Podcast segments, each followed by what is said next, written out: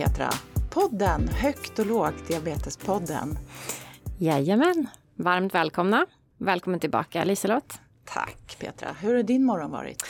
Lite kaosartad. Okay. Eh, snökaos, pendeltågskaos eh, och lite kaos innan jag kunde lämna hemmet faktiskt. Det var stökigt var det. Det var barn som var sura, föräldrar som var sura, grejer som skulle packas, grejer som glömdes bort att packas. Så det var um, intensivt och inte jättemysigt. Mm. Om jag ska vara helt ärlig. Hur var din morgon? Eh, min morgon var, nej men den var ganska intensiv. Eh, jobb och sen så pulsa i snön. Idag är det snö i Stockholm. Det får vi vara glada för, ja. för sig. Jag ska ju påbörja min eh, Vasalopps, eller Vasalopp, tjejvasaträning. Så jag är glad för den här snön. Ah. Den behövs. Heja dig, kul! Ja. Vi får se hur kul det blir. ja. Du, äh, idag är det ju inte bara du och jag här, Petra. Nej. Vi har en gäst idag som vi är så glada och nyfikna på. Eh, vi har ju Johanna Baracka här och eh, Johanna hon har ju så mycket erfarenhet av samtal, möten med både föräldrar och barn och en lång, lång erfarenhet av eh, kommunikation och mm. föräldraskap. Hon driver ju också Instagramkontot värdefull.se. Och det kontot har jag stor glädje av i min vardag. Eh, lättillgängligt och, och snabba råd och, och, bra, bra grejer. Så hon ska få prata mer om det, tänker jag. Men vi eh, släpper in henne. Vi säger varmt välkommen Johanna Baracka. Åh, oh, hej! Stort, stort tack! Vad roligt att vara här hos er, er fina podd. Vi är väldigt glada för att du vill eh, eh besöka oss här. Och det är kul att, att få... Ja, nu, nu ska jag ställa en massa frågor där bakom de här eh, Instagram-inläggen som jag har gått och funderat på. Tänkte att de här, de här frågorna sparar jag tills vi har Johanna på plats. Mm. Och innan vi går all in på alla våra frågor som vi har till Johanna så tänker jag att du får jättegärna Johanna komplettera. Vad var det vi missade i presentationen av dig? Ja, eh, ja, Johanna heter jag som sagt, det har ni sagt. Och jag driver ju då värdefull.se. Det är egentligen värdefull, men det, det heter så på Insta. Det kontot öppnade jag för drygt ett år sedan där jag ville skapa en plats för föräldrar som man bara kan gå till och få stöd, uppmuntran, där man kan hitta små frågor som man själv står i plötsligt i vardagen och få svar på eller få lite tankar kring så. Eh, och det startades upp efter att jag många år har jobbat eh, inom skolhälsan, jobbat med barn och ungdomar jag har lyssnat på många barn och pratat med många föräldrar. Eh, jag har jobbat tidigare än det med palliativ vård, så jobbat mycket i samtal eh, som går rakt in i livet som jag brukar säga. Eh, ganska djupa, svåra saker som man kanske annars inte berör när man träffar en kompis på stan sådär direkt. Utan, men i det jobbet så var det verkligen direkt och det var ingen tvekan om att det här pratar vi om nu, det var inga konstigheter på en sån plats. Men jag har nog tagit med mig det, det tänket lite efter den här typen av jobb som jag hade. Och eh, när jag möter människor idag, föräldrar som eh, kämpar på i vardagen med bestyr som du beskrev här i inledningen till exempel, hur det kan bli en morgon. Eh, då kan man ta till de här sakerna och reflektera lite kring och tänka kring dem. Och jag ville skapa en, en möjlighet för föräldrar att ha ett sådant forum dit man kan vända sig. Så att eh, som i botten är jag sjuksköterska. Jag har jobbat som samtalsterapeut och gör väl det mest av allt än idag då. Stöd, föräldrastöd kan man kalla det. Mm. Så spännande med värdefull, tänker jag. Eh, vad, du har mycket interaktion med dina lyssnare. Du ja. får mycket frågor. Det, är liksom, det händer mycket på värdefull. Det händer mycket på Värdefull. Det, där har jag verkligen fått eh, kontakt med många fantastiska följare. Och eh, man vågar skriva, man vågar öppna sig och det är jag så tacksam för. Eh, för att det visar verkligen på att man är inte ensam. Det är problem, situationer i livet som uppstår för oss alla. Jag är själv en av alla. Så att jag vet precis hur tufft det kan vara i livet. Och det är tanken med Värdefull. Att våga vara den man är och våga visa vad som känns och vad som är jobbigt i livet, tufft i livet. Och eh, där ska man få vara, precis som det är. Mm, så himla viktigt. För det är ju ofta där man hamnar, att man känner sig ensam och att det här är bara jag som går igenom, det här är bara jag som... De här felen är det bara jag som gör. Och så är det ju inte. Man är ju inte ensam, men man måste ju lyfta det och våga prata om det. Men då är det ju ett superbra forum det här, att man kan lite små anonymt ändå kanske DMa iväg ett, ett, en fråga och få ett svar och sen liksom börja, börja där. För det är det här första steget, att, att våga fråga, att våga prata, att våga öppna. Att våga dela. Det är svårt. Det är svårt och det är precis det som är tanken. Och jag tror att det är lättare för, för oss människor att få vara lite anonym till en början. För att sen få i sitt bemötande att det är helt naturligt att man känner som man gör. Därför att man har ofta väldigt mycket stress omkring sig. Och vardagen är proppad för de flesta. Så det vore konstigt om man inte i slutändan någonstans känner att det blir för mycket. Så att ingen är ensam i det här utan det här är hur samhället egentligen ser ut idag. Och det finns sätt att hantera det, sätt att bemöta det för att må bättre. Och där det är viktigt att man känner det. Man är inte ensam. Jag är nyfiken. Vad är det, vad är det du får frågor om? Vad, vad, vad vill man ha hjälp med när man hör av sig till dig? Ja, det kan vara verkligen högt och lågt som ja. den här podden heter. För att det handlar väldigt mycket om, så som jag tolkar högt och lågt, alltså vardagssituationer som begränsar en, där känslor rörs upp både i en som förälder men också i, i barnen. Där man upplever att man blir galen och frustrerad och sen drabbas man av skam och skuld. Där står vi ju dagligen, vi föräldrar. Och då kan det handla om konkreta situationer, hur man vill lösa en konflikt, få hjälp med att hantera en situation konkret med ett barn. Eller hur man kan känna att hur ska jag göra för att, inte, för att hantera mina känslor som förälder? Men sen kan det också vara större frågor, situationer som att ens liv har förändrats väldigt stort. Kanske har man drabbats av en livsomvälvande situation i hemmet. Eh, någon kanske har fått en, en sjukdom, någon kanske till och med har dött. För livet har förändrats stort. Och där kan man också behöva hjälp att strukturera upp vad är viktigt just nu? Vad kan vi prioritera? Vad, vad kan jag, på vilket sätt kan jag reflektera kring de här sakerna som har hänt? Så att jag kan hjälpa mina barn eller min familj må bättre. Så stort som smått. Och jag tänker Johanna, du är ju inne på väldigt mycket det här med känslor. Ja. Och vikten av att våga formulera sig. Ibland kanske faktiskt också ta hjälp. Eh, och någonting som Petra och jag har pratat mycket om det är ju det här med hur kommunicera med våra barn runt känslor. För vi blir ju rollmodellerna för hur pratar vi om känslor. Så vi vill egentligen ställa frågan till dig, vad är det som gör att det är viktigt att vi pratar om känslor med våra barn? Jo, just känslor, det är ju väldigt, väldigt centralt i våra liv. Och det är faktiskt så här, skulle jag vilja säga, att vi har två språk, vi människor.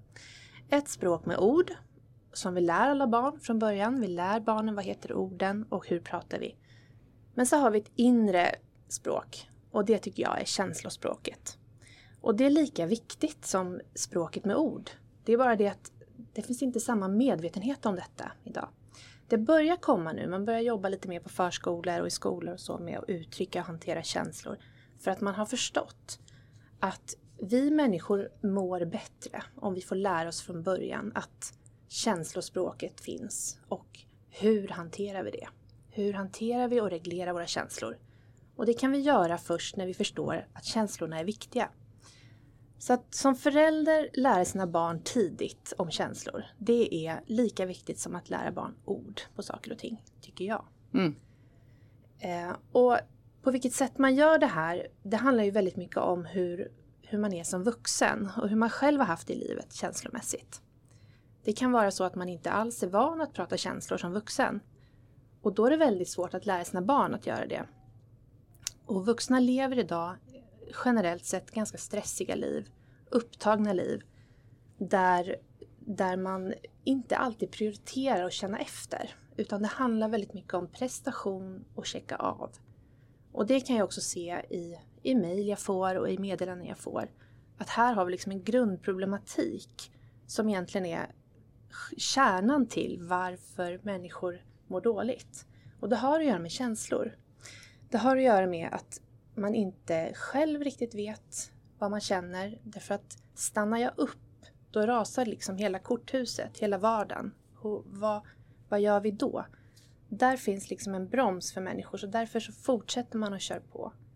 Men om man blir medveten om det här som vuxen, då kan man lära sina barn tidigt att prata om känslor och fånga upp känslor. För barn känner ju hela tiden och upplever känslor. Men de vet inte alltid vad det är för slags känslor. Så att som vuxen är det viktigt att man tidigt sätter ord på känslor, man fångar upp känslor och pratar om dem när barnen är så små så att de inte själva ens förstår. Men då lär man barnen att ta hand om känslor och skapa utrymme för att få känna. Så att inte de också fastnar i ett hjulspår av att fösa bort känslor. Så om vi som vuxna föräldrar känner oss lite otränade i att identifiera känslor, prata om känslor, kanske beskriva eh, och uttrycka känslor. Vad, hur kan vi tänka då? Om vi, för du, du berättar ju att så men det är viktigt med känslor och det är viktigt att lära våra barn det här. Men om vi själva känner oss lite otränade i det här, hur kan vi, hur kan vi lära oss som vuxna föräldrar mer om det här? Då tänker jag att det är viktigt att man stannar upp lite i sitt liv och börjar reflektera över hur man lever. Att när en känsla kommer, då behöver man vara i den, träna på att vara i den. Precis som alla, allt man ska lära sig behöver man träna på saker. Och känslor är inget som bara dyker upp och sen kan man det och förstår det. Utan det är därför det är så viktigt att man börjar tidigt med barnen. Men när man är vuxen och står i, i en, en, stress och en, en vardag som, där man är van att inte reflektera, då behöver man börja ta sig den tiden. Och det kan också låta som flummigt och svårt, men det handlar väldigt mycket om att tänka att det här hänger ihop med hela mitt livsmönster. Ofta så är det så att när livet drabbar en, till exempel om man blir sjuk, om man får ett barn som blir sjukt, om man har barn med, med diagnoser som kräver väldigt mycket av min tid så blir det på ett annat sätt. Där tvingas man stanna upp och reflektera för att det blir fullständigt ohållbart till slut. Man, man bränner ut sig och, och livet får liksom inget, ingen mening till slut. Men om man har det lite så här halvbra, att det liksom, man förstår inte hur bra man har det riktigt, då är det svårare att ta de här stoppen. Men här menar jag att det är viktigt att man ändå försöker att, att ta sig de här stoppen, reflektera och fundera över hur, vad mår jag bra av? Och vem kan jag prata med som faktiskt stannar upp också och möter mig i det jag vill berätta? Att man inte bara hamnar på ytan i sitt liv utan att man försöker fundera över vad mår jag bra av som vuxen? Att, att stanna upp helt enkelt. På något sätt försöka stanna upp sitt liv. Mm. Jag står och tänker på en sak. Ehm, det jag försöker lära mina barn det är ju det här att vi har ju olika känslor. Eh, vi har både känslor som känns som, som positiva och vi har känslor som känns som negativa. Och det här att ehm, att landa i att jag kommer ha alla de här känslorna i det här känslobatteriet. Jag kan inte välja bort känslor. Jag kan inte välja bort de som är mindre trevliga. Det jobbar jag mycket med mina gymnasieelever. Liksom att att, att ni måste acceptera också att, att man kan inte bara gå igenom livet och vara glad och positiv och, och liksom, eh, utan det kommer komma, man måste kunna hantera båda, båda typer. Eh, och det tycker jag är svårt hemma. Jag har svårt med det. Jag vill gärna bara kännas vid de här positiva känslorna. Och när jag väl känner de här negativa så blir det så, så jobbigt för mig. Eh, ja, det, det slår mig nu när, när vi pratar om det här. Att jag har svårt att, att acceptera de här känslorna som, som inte är så positiva. Mm. Och förhålla mig till dem. Och jag tror att det handlar väldigt mycket om det jag är inne på här. Att man, man lever sitt liv utifrån nästan bilden av sitt liv. Eh, man behöver också hitta någon form av acceptans. Men vägen fram till acceptans för alla känslor handlar väldigt mycket om frustration. Och i frustrationen så händer det saker i kroppen. Då kommer känslor upp till ytan.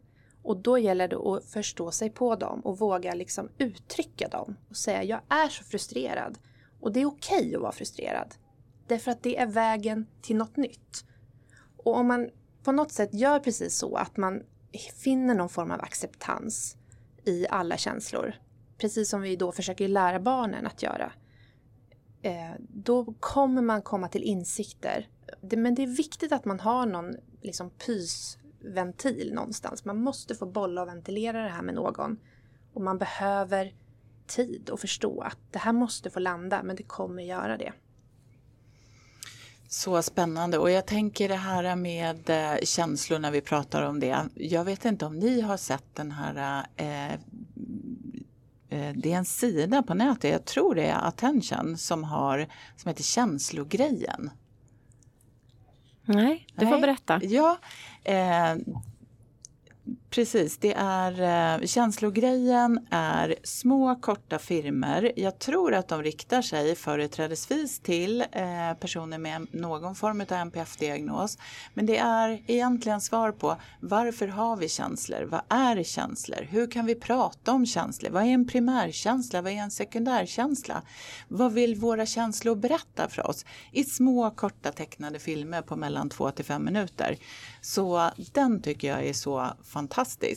Eh, där kan vi alla lära oss om känslor. Känslor finns, känslor går att prata om och det är våra vägvisare i livet. Men du Liselott, jag måste få fråga dig en sak nu. För jag sitter här och tänker att när vi fick diagnosen, då pausade jag mina känslor lite grann. Eller det var liksom inte, det fanns inte, jag eh, kände inte att det fanns plats för mina känslor i, i den här mörka bubblan som vi hamnade i. Eh, så det var och ganska lång tid så var det liksom mina känslor, oavsett om de var positiva eller, eller negativa, de fick inte ta plats. Det var fokus på Iris och, och sjukdomen. Och, eh, och hennes känslor, eh, som vi också tyckte var, det var lite knepigt i början det här med att bekräfta de känslorna när hon var ledsen. Jag blev ju jätteledsen när hon var ledsen. Jag hade jättesvårt att hantera det här.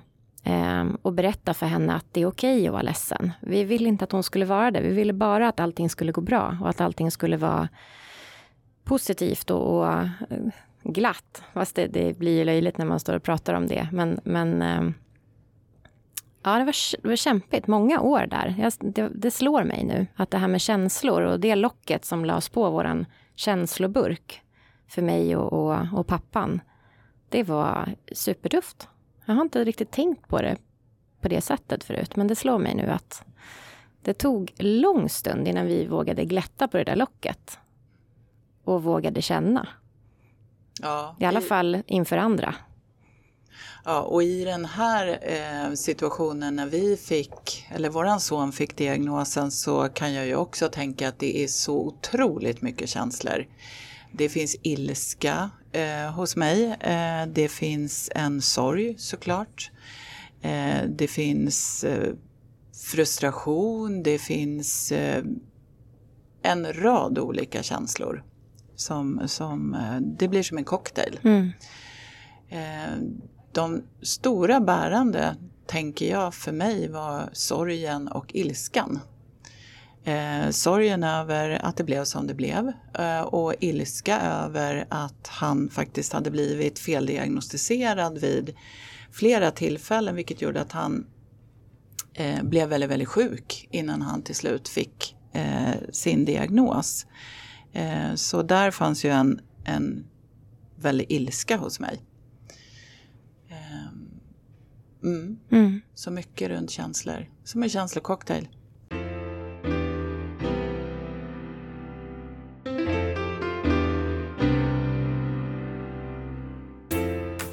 Tänker vi ska byta tema. Vi skulle kunna prata känslor resten av dagen här och det kommer vi inte ha möjlighet till. Vi kommer att gå över och prata syskon nu, Johanna.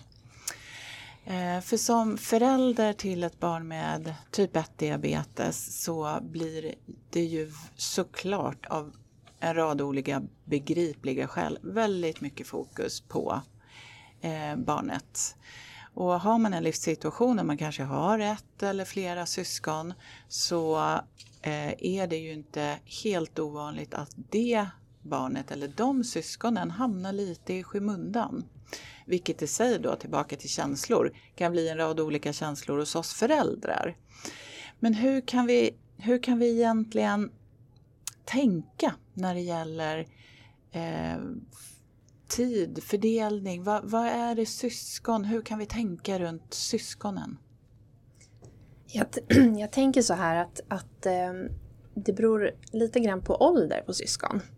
Eh, men generellt så är det ju otroligt viktigt att den här känslan hos dig som förälder kring att det är snedfördelat, den är ju säkert rätt och riktig just då. Och det här känner ju syskonen av också. Så att syskon behöver ju få tid i den mån det går att vara själv med sin förälder.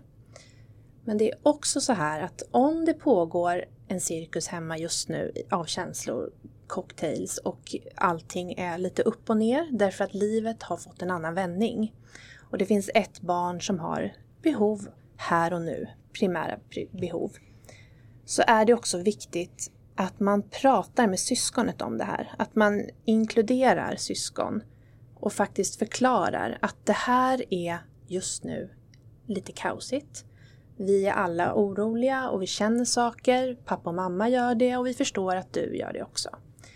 Och det är så just nu. Vi får bara försöka landa lite i det. Vi ser dig och vi förstår att du känner att du kanske just nu inte är prioriterad. Men det är du. Vi ser dig alltid och du är alltid viktig. Man behöver liksom sätta ord på eh, känslorna som ni har och förmedla dem till barnet. Så att barnet, syskonet upplever att jag är viktig, de ser mig, de har inte glömt mig. Det är liksom det först och främst viktigaste tycker jag. Och det kan man göra oavsett ålder. Man pratar liksom med barnet på dess språk bara för ålder. För det är klart att det är så här att syskonet har en känsla av, att, av oro säkert också. Eh, och parallellt med det här så finns det ju de egna behoven. Så det är viktigt att ta med barnets känslor. Vad känner du inför det här? Att man faktiskt frågar, är du orolig? Eller vad har du för tankar? Och det ser man ganska tydligt på barn, om de är ledsna, oroliga eller om de är avundsjuka och arga. Så att ta fasta på och ta ett tillfälle i akt och faktiskt prata känslor med det barnet också. För att det är viktigt för, för barnet att få sätta ord på sina känslor. Och även om det är så att det är negativa känslor så behöver det komma ut. Och då behöver man som förälder kunna ta det just där och då också. Även om det är mycket annat som pockar på såklart med det sjuka barnet. Men att, att försöka i den mån det går att se sina, alla sina barn är jätteviktigt. För det är ofta så att när barnen sen blir lite äldre och har den här upplevelsen med sig av att inte ha blivit sedd så kommer det ofta i kapp. Och då kan man få kommentarer från sitt barn att men ni såg ju aldrig mig eller det var bara lillebror som var viktig och sådär. Men har man då pratat hela vägen så har man mycket vunnet. Barnet har också lättare att faktiskt vända sig till er sen och säga att men nu känns det som det var länge sedan vi gjorde något. För då har ni redan öppnat upp det spåret. Mm. Det är så hög igenkänning på det du säger. Ehm, det är svårt med, med syskonfokuset kan jag känna som diabetesförälder. För den där förbaskade sjukdomen, den tar så mycket fokus. Och det är så snabba puckar. Det är liksom, vänta, vänta, vänta. Eh, du får vänta med att berätta det där, för nu måste jag gå och springa och, och hitta däcks. Eller nu måste jag ge insulin. Det är otroligt svårt att, att påminna sig själv i den här diabetesstressen. Att nu, nu finns det ett till syskon här som behöver dig. Jätteklurigt. Och jag, vi kan ju alla känna igen oss i det där att man inte hinner med, man känner sig otillräcklig som förälder, man känner sig kass, man har haft en skräpmorgon, man har topplocket har gått, man har sagt saker som man ångrar att man inte hade sagt. Hur kan vi göra då Johanna? Vad är det som är viktigt då när, när vi känner att så, nej, men det där blev inget bra i, i kommunikationen med mitt barn? Det absolut viktigaste i de lägena det är ju att alltid hämta hem igen. Att alltid, oavsett om topplocket har gått och det har blivit ett halvt världskrig där hemma på morgonen, så går det att ordna till om vi vuxna går till botten med oss själva och faktiskt reflekterar över vad vi sa, vad vi gjorde för att sen gå tillbaka till vårt barn och möta barnet och säga förlåt, det här blev jättetokigt. Och jag ångrar det jag sa, det betyder inte att och så vidare och så vidare. Att man faktiskt pratar om det. Mm. Går och säger förlåt. För det är helt okej. Okay. Vi, vi vuxna har press på oss att vara på något sätt bra jämt. Men det är helt omöjligt för alla att alltid fungera korrekt i alla situationer. Vi har också ork som tryter och press utifrån. Så att det kommer att bli bråk, det kommer att bli konflikter och vi kommer att få backa tillbaka och säga förlåt till våra barn. Det är viktigt därför att då lär sig barnen den färdigheten själva. Att säga förlåt om det har blivit tokigt. Och det är ingenting som ska lagras inombords och så småningom bli ett skuld eller skamberg utan vi måste våga säga förlåt. För då kommer vi föregå med gott exempel inför våra barn som också lär sig det. Så viktigt att komma tillbaka eh, till situationen och reparera. Ja. Johanna, när vi ändå har dig här, jag mm. vet ju att du har massor med erfarenhet också ifrån hur det kan vara när vi som partner, föräldrar separerar, mm. vi kanske skapar, bildar nya familjer ja. eh, i olika konstellationer. Och har du då ett barn med typ 1 diabetes så kan du ju hamna i den här situationen att vi har väldigt olika perspektiv på hur det som kallas för egenvården som vi pratar väldigt mycket om här, hur den ska skötas. Och det där kan ju också bli någonting som skapar väldigt mycket oro hos oss föräldrar. Hur blir det när mitt barn är eh, hemma hos pappa eller hemma hos mamma? Eh, kommer det att funka på samma sätt som här? Har vi samma sätt att hantera de situationer som dyker upp? Så hur kan vi, om vi lever i en bonusfamilj som, som vuxen förälder, hur kan vi tänka då? Det handlar mycket om då att man eh, faktiskt pratar, kommunicerar kring det hela väldigt mycket. För oro och kontrollbehov uppstår då vi själva tror att vi behöver ha koll på allt i alla situationer dygnet runt. Så att här är det ju viktigt att om man är en bonusfamilj och ett barn har diabetes så behöver man dels prata ihop sig i den nya bonusfamiljen med barnet i fokus. Barnet bör vara med. Och här tycker jag att det är viktigt att man berättar all historia bakom för att den nya familjen ska förstå det här det är faktiskt en förändring. Det är någonting stort. Det här är någonting som vi alla behöver ha med oss för att den här familjen ska fungera. Så att in, det handlar inte om att bara säga nu är det det här som är viktigt utan det handlar väldigt mycket om att barnet själv tillsammans med föräldern får berätta att så här ser vår historia ut. Det här hände när barnet fick diabetes och så här oroliga blev vi. Så att alla i den här nya familjen förstår att okej, okay, nu lyssnar vi och nu är det någonting som vi alla behöver ta hänsyn till. Det tycker jag är viktigt. Och sen handlar det väldigt mycket också om att försöka ha en, en relation som handlar om barnet med sitt ex-partner. Därför att här förstår jag också att det finns mycket som kan skapa konflikter och så. Men här får man faktiskt, tycker jag, ta ett ansvar som vuxen och kliva ett steg tillbaka. Nu handlar det inte om dig och mig och vår ex-relation. Utan nu handlar det om vårt barn och det här ska fungera tryggt för barnet. Och så får man liksom utgå från att det är bådas utgångspunkt, tycker jag. Så där är det viktigt att man pratar ihop sig också. Att man har ett tydligt schema, att man kanske till och med har möten och träffas och går igenom hur funkar det här för er på er vecka? Så här funkar det för oss. Tills det sitter, tills båda vuxna känner sig trygga och kan släppa på kontrollen lite. För det handlar väldigt mycket om att släpp, våga släppa kontroll åt den andra föräldern. Och så får man förlita sig på lite grann att det funkar. För man kan inte gå in då som kontrollerande förälder och bryta för då skapar det i sig en konflikt. Man får försöka backa och sitta på sina händer lite när man har haft det här mötet där man går igenom. Kontroll, tänker jag. Bra att du pekar på det. Eh, det är ju lätt, tänker jag, för oss att, att vi, vi tänker lite på kontroll som att det är antingen har jag kontroll eller så har jag det inte.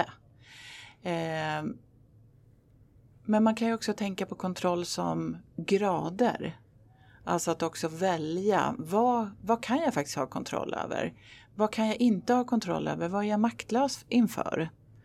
Så att man också identifierar vad är det för olika parametrar i det här och såklart då försöker ha en, en eh, kommunikation med sitt ex eller med, med sin nya partner och barnet om det här.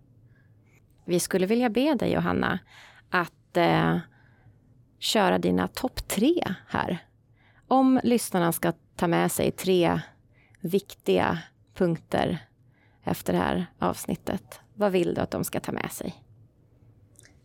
Då skulle jag vilja börja med den första punkten som är våga prata känslor med varandra, med dina barn. Vi vet att barn mår bättre, vuxna mår bättre av att få uttrycka sig känslomässigt. Vi vet att det följer människor genom hela livet. Att minska risker för psykisk ohälsa.